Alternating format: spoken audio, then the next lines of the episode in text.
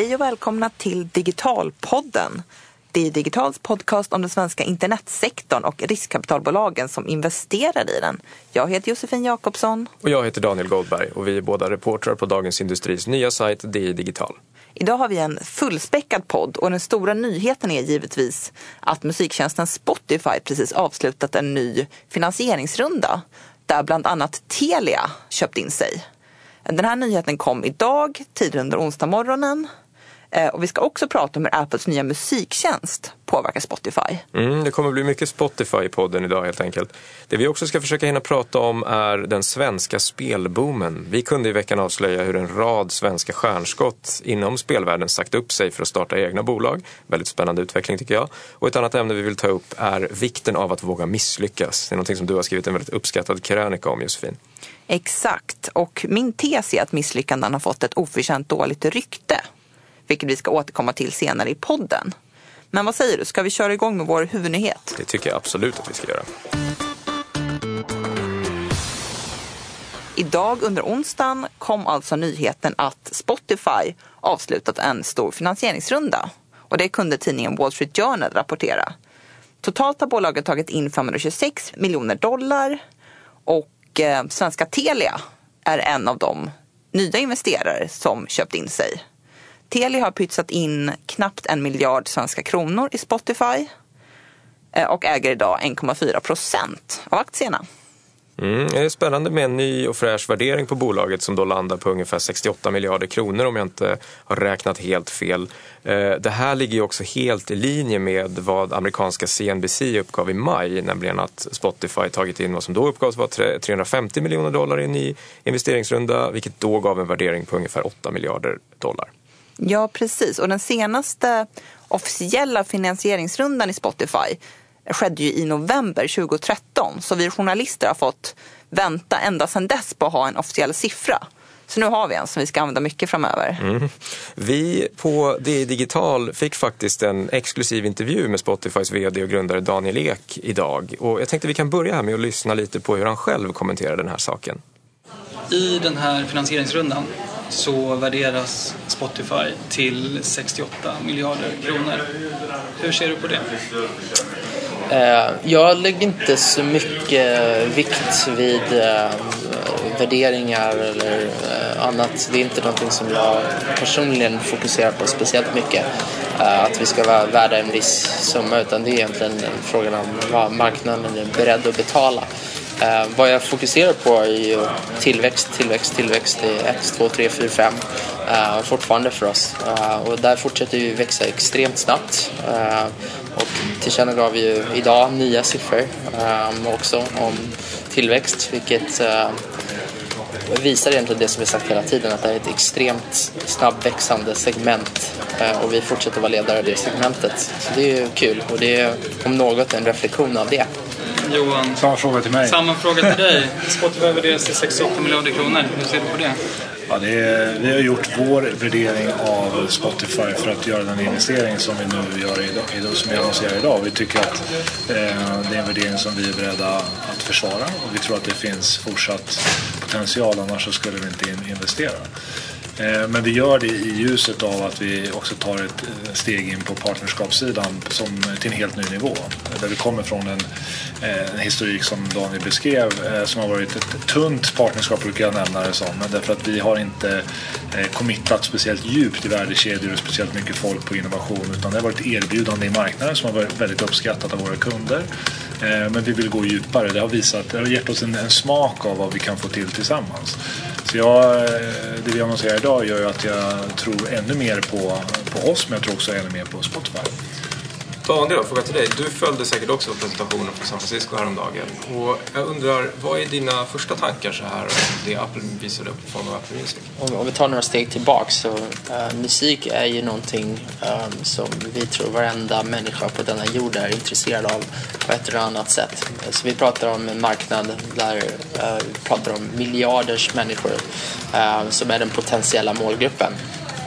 Och även om vi hade eh, gärna velat ha den för oss själva så har vi inga illusioner om att vi skulle få vara ensamma om det. Utan det är ganska naturligt att några av världens största bolag också är intresserade av det. För det finns ju inte jättemånga marknader där eh, där målgruppen eh, och, det den totala addressable market så att säga är i miljarders människor. Så det är väl ganska naturligt att de också är intresserade av den marknaden. Och det är ju någonting vi har väntat ganska länge så det är knappast en stor överraskning. Det är snarare en överraskning att det tagit sån tid tycker jag. Ja. Att de har släppt den gamla modellen och ger sig in i den växande strömmande musik. Ja, det är, en, det är en stor validering för det vi egentligen har sagt i sju års tid. Mm. Att framtiden är streaming och nu säger världens största bolag att ja, det är det. Mm. Och det är positivt. Skulle du eh, hålla med om att eh, när Apple nu ger sig in på den här marknaden där ni har funnits, som du säger, i många års tid så är det kanske den största utmaningen som Spotify som bolag står inför hittills? Jag, jag, tycker inte det. Um, därför att uh, det är klart att det är en stor aktör som ger sig in på vår marknad. Men som jag nämnde så Eh, den här marknaden eh, mäts ju i miljarders människor. Om vi tittar då både på vår egen storlek och tittar på alla andra eh, i den marknaden så är vi alla små. Och det är en växande marknad. Så vi, vi pratar inte om att ta marknadsandelar från varandra. Vi pratar om att växa marknaden. Och i det så tror jag Apple faktiskt kommer hjälpa marknaden genom att utbilda den snarare än att vi kommer slåss över marknadsandelar. Vad skulle du säga har varit din största utmaning för Spotify så här långt, om det, om det då inte är? Eh, det är egentligen för acceptans för modellen streaming. Ehm, jag menar, första sex åren av vår existens. Eh, och här i Sverige glömmer vi lätt att vi har levt med streaming ett par år. Men, men i USA så var det ju fram till förra året så var det ju så här, nej men jag vet inte om jag accepterar att hyra min musik. Jag vill nog äga den och det vet jag inte. Och nu eh, får vi en extrem validering av det att nej men konsumenter är villiga att gå den vägen. Så det har ju varit vår största utmaning att få folk att överge den här download-modellen till fördel för den här access-modellen. Mm. Eh, och i Sverige så tar vi det för givet för att vi har redan gjort det. Men det fortsätter ju vara den största utmaningen runt om i världen. Vi ska inte glömma att om vi tar till exempel den japanska marknaden som är världens näst största musikmarknad finns det inga streamingtjänster överhuvudtaget fortfarande anno 2015. Eh, vilket visar lite på utmaningen. Men det ändrar sig väl kanske om tre veckor? Ja, och det är jättepositivt. Det är en dörröppnare likt många andra. Och det vi hörde där var alltså en intervju med Spotifys vd Daniel Ek och Telias vd Johan Dennelind. Och de blev utfrågade av Viktor Ström och Daniel Goldberg. Vi ber om ursäkt för det något dåliga ljudet. Mm. Vad säger du då Josefin, ska vi själva försöka oss på en snabb analys av just Telia-aspekten av den här affären? Eh, ganska otippade investerare i Spotify kan man väl säga. vad, vad tycker du, eller vad tror du? Varför gör man den här investeringen? Jag skulle säga att det handlar om reach. Och vi vet ju att Spotify och Telia har haft ett samarbete i flera år. Vilket har inneburit att Spotifys tjänst har sålts som en del av Telias abonnemang. Och det här är ett sätt att ytterligare fördjupa det befintliga samarbetet. Eh, och jag skulle säga att bakgrunden till det är att, eh, vilket våra digitalpoddlyssnare väl känner till, musikmarknaden översvämmas just nu av en rad olika musiktjänster som sliter och drar i användarna. Och det viktigaste för de individuella tjänsterna är att nå så många som möjligt. Få in foten på nya marknader och etablera sig. Och där tror jag att Telia och deras faktiskt miljontals användare i Europa och Centralasien kan ge Spotify lite draghjälp. Mm, det tror jag är en, en helt korrekt spaning. Eh, men Telia-aspekten här då? Det här känns ju absolut som en mer kreddig affär för Telia än det gör för Spotify, eller vad säger du? Ja, jag skulle säga det här är ju en fjäder i hatten trendmässigt för Telia i alla fall. Eh, och jag tror att det kan kopplas till den tuffa situationen på operatörsmarknaden. Eh, man pratar ju om en dataexplosion i världens mobilnät. Men problemet är ju att operatörerna har inte lyckats tjäna mycket pengar på den ökade trafiken, tvärtom. Så därför ligger deras hopp idag till tilläggstjänster. Som musik. Och Spotifys tjänst och starka varumärke tror jag kan hjälpa Telia att profilera sig gentemot sina användare.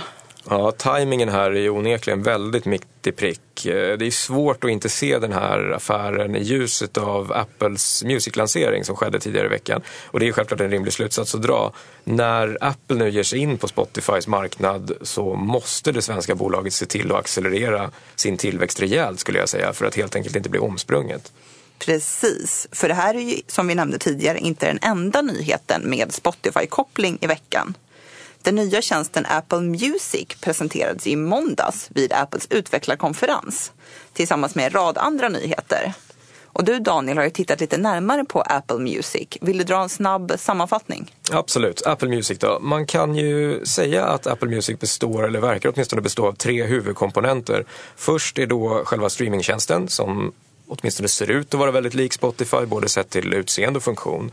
Till det har Apple lagt ett slags live-radiokanaler, vilket för övrigt är väldigt roligt för alla de av oss som följer tv-serien Silicon Valley. Och tanken där är ju att olika kända artister ska turas om och stå bakom skivspelarna live i sändningar som går ut över hela världen. Och den tredje delen här är ju ett socialt nätverk, eller kanske ett socialt lager ska man säga, som kallas för Connect. Och det här är ju då egentligen Apples gamla misslyckade lansering Ping, om nu någon minns den, som har återuppstått igen. Tanken här är att olika artister ska dela med sig av videoklipp och ljudsnuttar och annat med de eh, fans som väljer att följa dem på den här tjänsten. Eh, en av dem som fick, fick mycket uppmärksamhet på scen var Pharrell Williams som då enligt Apple är väldigt duktig på den här sociala interaktionen med sina användare. Mm. Ja, det här sociala lagret tycker jag nästan är alltså, en av de mest intressanta aspekterna. För jag i alla fall anser att den sociala biten är ett område där Spotify misslyckats ganska rejält. Eh, och jag tror att få användare ser Spotify som ett socialt verktyg. Jag vet att jag inte gör det. Daniel, använder du Spotify socialt? Nej, det är inte i särskilt stor utsträckning och jag tror att du har helt rätt i den spaningen. Eh, det man kan våga säga tycker jag är att Spotifys situation på den här marknaden hade förmodligen sett väldigt annorlunda ut idag om man fått ordning på de olika sociala funktioner och framförallt den Facebook-integration som man lanserade för ett par år sedan. Eh, som alla vet är ju sociala nätverk extremt svåra att konkurrera med när de väl har fått upp farten. De här nätverkseffekterna gör dem väldigt klistriga kan man säga. De låser in användarna på ett väldigt effektivt sätt. Till exempel kan man se på Googles många misslyckade försök att konkurrera med Facebook. Detsamma kan inte sägas om musiktjänster idag. Musiktjänster idag används i, i, i stor utsträckning som ett stort musikbibliotek och det musikbiblioteket kan väldigt många olika aktörer erbjuda. Mm, ja, det enda sättet att låsa in användare skulle i så fall vara att ja, folk vill behålla sina listor. Till exempel. Precis, Spotify har kommit en bra bit vad gäller just spellistor där och det är exakt den typen av funktioner tror jag som behövs för att, för att vara konkurrenskraftig gentemot ett storföretag som Apple. Hur som helst, prislappen på allt det här blir 10 dollar i månaden, vilket innebär att Apple alltså matchar Spotifys prislapp. Man erbjuder även ett familjepaket för 15 dollar i månaden som då kan delas av upp till sex personer, eh, vilket kan för vissa användare innebära att den här tjänsten är den i särklass billigaste på musikstreamingmarknaden. Lanseringen ska ske den 30 juni i 100 länder och på den listan finns sannolikt även Sverige med. Så vad, vad tror du, vad betyder det här för Spotify? Jag tror att det här blir tufft för Spotify. Det man måste komma ihåg är att vi svenskar har en tendens att gravt överskatta Spotify både sett till storlek och inflytande runt om i världen. Här hemma är ju eh, Spotify en lika given app i våra telefoner som Facebook. Alla kör Spotify helt enkelt. Ute i världen är situationen en helt annan. Av de hundratals miljoner människor världen över som använder iPhone så vågar jag nog påstå att den absoluta majoriteten aldrig har provat den här tjänsten. Förmodligen har de flesta aldrig hört talas om det här bolaget som vi i Sverige tar för givet. Ja, alltså det där stämmer ju verkligen och eh, vi kan tillägga att eh, Spotify faktiskt idag presenterade helt nya fräscha användarsiffror. Eh, och de meddelar att de idag har 20 miljoner betalande användare och 75 miljoner aktiva användare.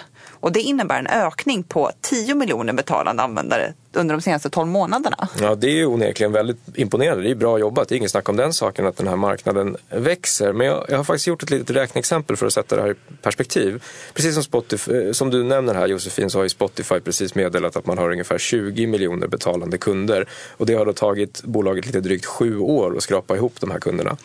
På ett bra kvartal, alltså på tre månader, så säljer Apple 60 miljoner iPhones. Det är alltså tre gånger så många telefoner som det finns Spotify-användare idag som säljs varje kvartal. Ja, och Apples strategi när de lanserar Music är ju att appen ska förinstalleras på alla Apple-produkter. Så om du köper en ny iPhone så kommer Apple Music redan finnas på den. Ja, precis. Eh, och det här betyder ju då att man tar ännu ett litet räkneexempel, att om bara var tionde person som köper en ny iPhone också nappar på Apple Music, då kommer det innebära att Apple är större än Spotify inom ett år. Att appen redan finns i telefonen skänker, sänker ju tröskeln rejält för användaren. Det är till skillnad från Spotify som ju måste grävas fram ur App Store, den måste laddas ner, kreditkortsuppgifter måste matas in och så vidare. Så Apple har ju onekligen enorma konkurrensfördelar här i och med att man, man kontrollerar både operativsystemet, hårdvaran och den här tjänsten. Mm. Det har ju rått lite olika, alltså lite delade meningar om hur mycket Spotify kommer påverkas. En del menar ju att Apples, Apple Music är värdelös, att det är inget hot. En del menar att Spotify kan ja, hänga upp hatten direkt. Eh, men min personliga åsikt är i alla fall, jag tror att det kommer bli tufft. Mm, det tror jag också. Nu ska vi påminna om att Apple Music, ingen har ju provat Apple Music än utan vi har ju bara, vi har ju bara det som visades upp på scen att, att gå på. Men, men jag håller med, jag tror att det här blir en, en tuff konkurrent, konkurrent för Spotify. Med det sagt är jag inte säker på att loppet är kört, vilket vissa verkar vara. Det finns ju redan idag en massa musiktjänster ute på marknaden. Deezer är en av dem, Tidal är en annan, även om det verkar vara rätt kärvt just där. Radio är en tredje. Eh, och det finns väl ingenting som talar emot att det här kommer förändras och att musikmarknaden nu plötsligt kommer förvandlas till ett ett enda stort monopol där Apple styr och ställer. Med det sagt, eh, Spotifys grundare Daniel Ek och Martin Lorentzon har ju alla år varit tydliga med att de siktar högre än så. De vill inte bli en spelare i mängden. Det de vill göra är att skapa den stora globala plattformen för musik. De har pratat om att de vill förändra musikvärlden, förändra sättet vi förhåller oss till vår musik och så vidare. Och att ro de stora ambitionerna i land blev ju plötsligt oerhört mycket svårare, kanske till och med omöjligt med en så stor och tuff konkurrent som Apple på banan. Ja, jag tänker att de här nya pengarna som Spotify har tagit in, de kan komma ganska väl till pass. Eh, det tror jag absolut. Även med den här nya investeringen så ska man ju säga att, att Spotifys kassa här bleknar ju i jämförelse med de resurser som Apple har till sitt förfogande. Och den fråga man vill ställa här är ju hur länge kommer Spotifys ägare att stå ut med de miljardförluster som bolaget redovisar nu när framtidsutsikterna inte alls ser lika ljusa ut som de har gjort? Ja, och nu tycker jag vi avslutar den här Spotify-delen av podden. För nu har vi pratat extremt mycket om Spotify. För det är inte bara den musiktjänsten som påverkas av de nyheter som Apple släppte i måndags. Eh, vi har även anledning att tro att flera andra svenska startupbolag får ny konkurrens. Mm, berätta, vilka bolag handlar det om? Eh, jo, det här var något som vi, eh, vi publicerade en lista på DI Digital häromdagen över hur några olika svenska spelare kan komma att påverkas. Och där räknar vi upp bland annat iSettle, Rap, Truecaller och några fler. Och om vi börjar med iSettle. Apple inleder ju ett samarbete med iSettles främsta konkurrent, det amerikanska betalbolaget Square. Och det här samarbetet innebär att Square kommer att skicka ut 250 000 kortläsare gratis under hösten som har stöd för Apple Pay och även stöd för betalning med chipkort. Och det är ju knappast goda nyheter för Jakob De Geer och hans chipbetalföretag. Mm, och där kan det vara eh, läge för lite klargörande då för icke fintech-nördar. iSettle dominerar ju idag, alltså det svenska bolaget iSettle dominerar ju idag de så kallade chipmarknaderna. De länder där man använder betalkort med chip. Till exempel Sverige hör ju till dem. Amerikanska Square dominerar fullständigt på de så kallade magnetremsemarknaderna. I huvudsak USA där man fortfarande använder den gamla sortens betalkort med magnetremsor.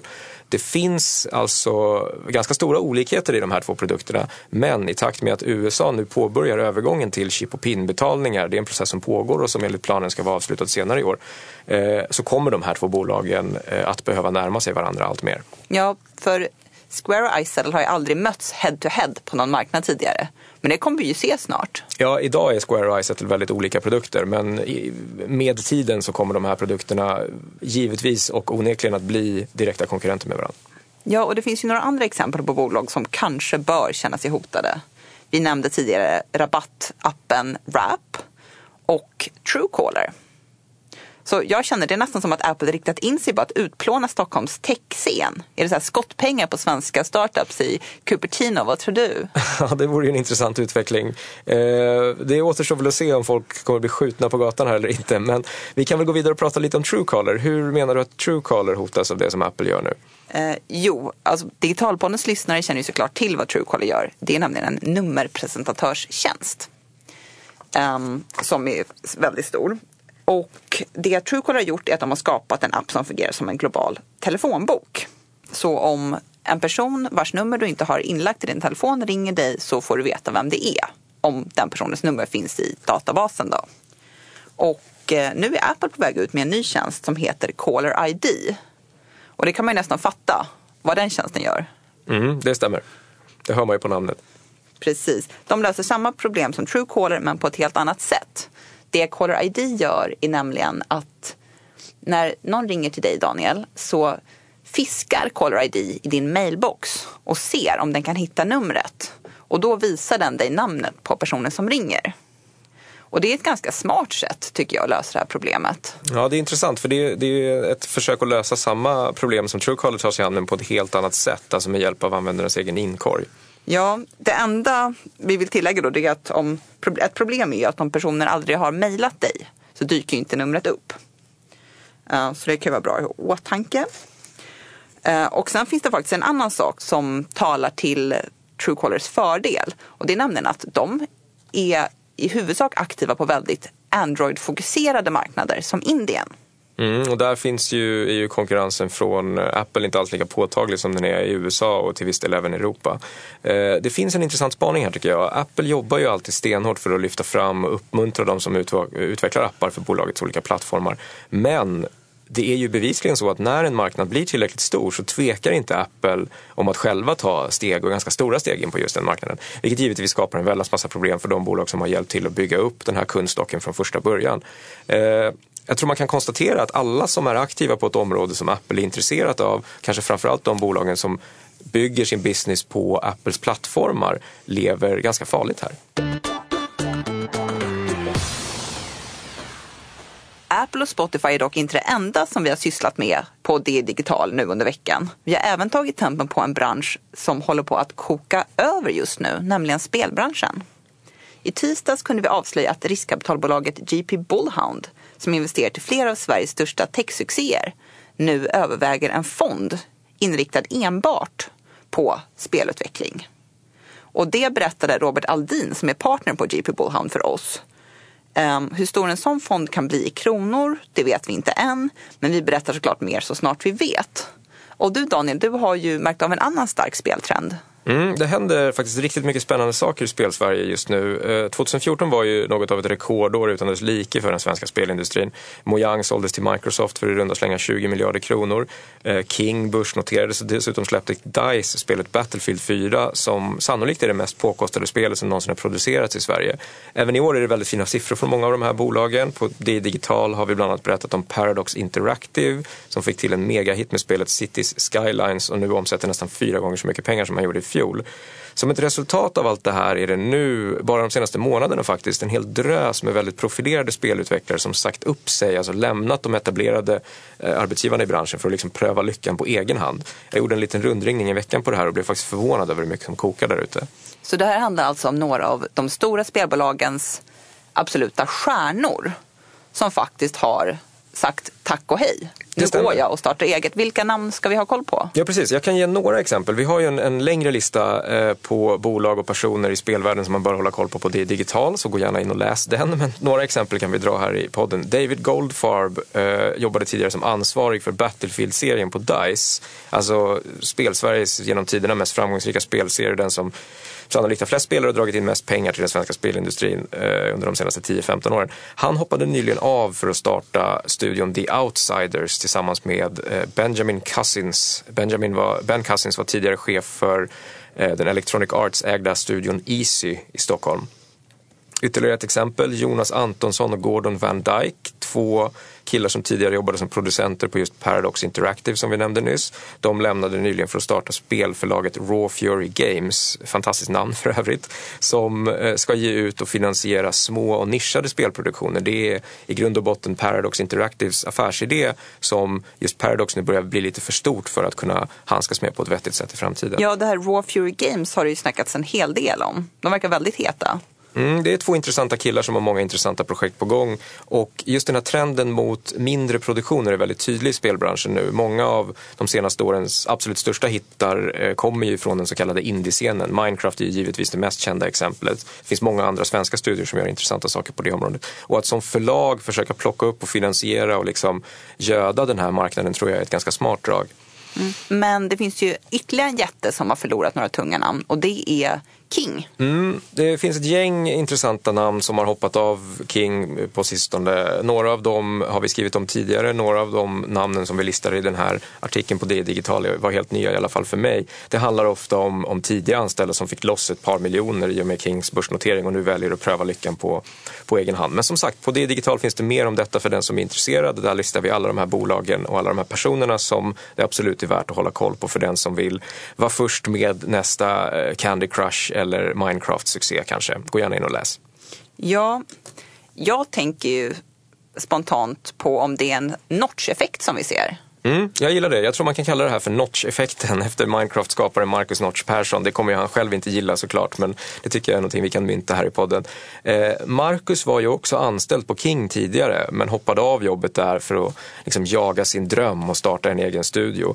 Eh, fem år och 20 miljarder kronor senare så vet vi alla hur den sagan slutade. Och många av dem jag pratade med när jag skrev den här artikeln pekade just på Marcus som en stor inspirationskälla. Och jag tror att hans story här om den liksom ensam med kodaren som vågade gå sin egen väg och blev rik som ett troll på köpet har fått väldigt många att våga ta det här steget och starta eget. Jag tycker det är något väldigt vackert med den här utvecklingen. Daniel, får jag, jag får intrycket av att du försöker promota din bok i vår podd. Jag vet inte hur jag ska känna inför det här.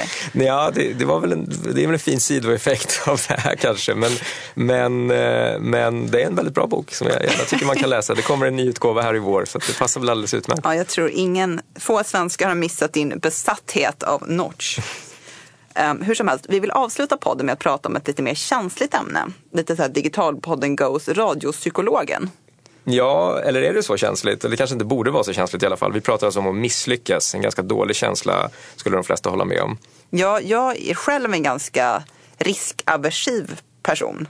Jag hatar att misslyckas och jag undviker till och med ibland att ta risker alltså, av rädsla för att misslyckas, vilket är såklart är supersynd. Hur är det med dig Daniel? Jag är nog lite tvärtom. Jag gillar att ta risker, även om jag för den saken skulle inte gilla att misslyckas. Så vad är det mest riskabla du har gjort? Det låter som du är helt Oj, wild and crazy. nu satte du mig på plats här. Jag vet faktiskt inte. Jag, för ett par år sedan sa jag upp mig och flyttade till Thailand. Eh, ett land som jag då aldrig har varit i för ett jobb på ett thailändskt företag som jag inte visste någonting om. Tillsammans med folk som jag aldrig hade träffat förut. Det var väl ganska riskabelt. Det höll i ett år ungefär men det var ganska kul. Men var det ett misslyckande? Eh, det skulle jag nog inte säga att det var. Det var en risk men inte ett misslyckande. På det digital har vi hur som helst tittat närmare på några svenska startup-misslyckanden. Och vår kollega Viktor Ström har listat vad han själv kallar de, så inga värderingar här, de sämsta svenska riskkapitalinvesteringarna inom IT. Och det här handlar alltså om investeringar där någon har förlorat mycket pengar. Eh, och de bolag som nämns är Replisaurus, Nanoradio och Nyx. Och det är namn man knappast kommer ihåg idag. Eh, för startupvärlden är ju så fokuserad på framgång att man ibland eh, glömmer bort de bolag som faktiskt inte har gått så bra. Mm, just Replisaurus är väl, förtjänar väl nästan lite kultstatus idag i alla fall, åtminstone namnet. Eh, det är ett Kista-bolag som hade en teknik för att tillverka metalllager i datachip.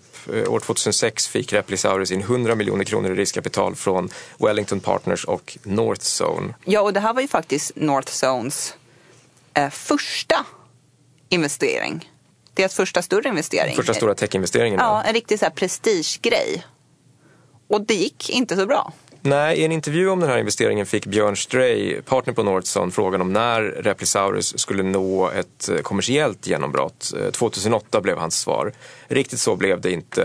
Eh, men det betyder ju inte nödvändigtvis att jag får sämre förtroende för Björn Strays affärsnäsa.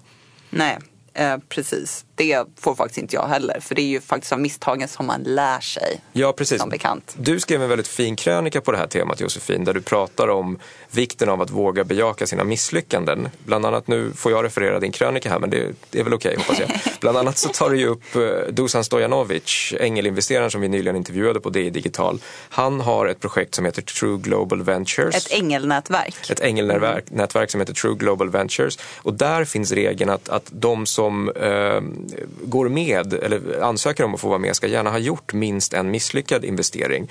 Det tycker han ger, eller det menar han ger en väldigt mycket djupare förståelse för de risker som finns i den här världen och betyder att man kan hjälpa entreprenörer väldigt mycket bättre. Alltså att ha misslyckats är en väldigt viktig erfarenhet menar han. Ja, jag ser ett misslyckande som en slags försäkring mot misslyckanden. Mm, det är intressant. Dessutom pratar du en del om fenomen som fuck up nights, vilket jag personligen tycker är jätteintressant.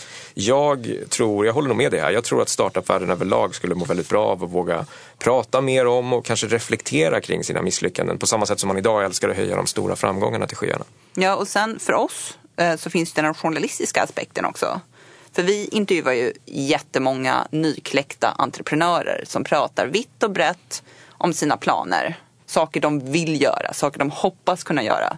Och ibland känns det lite som att intervjua en treåring på dagis. De har inte så mycket att berätta. Så det blir lite så att man pratar om russinleken, man pratar om kuddrum och sådär.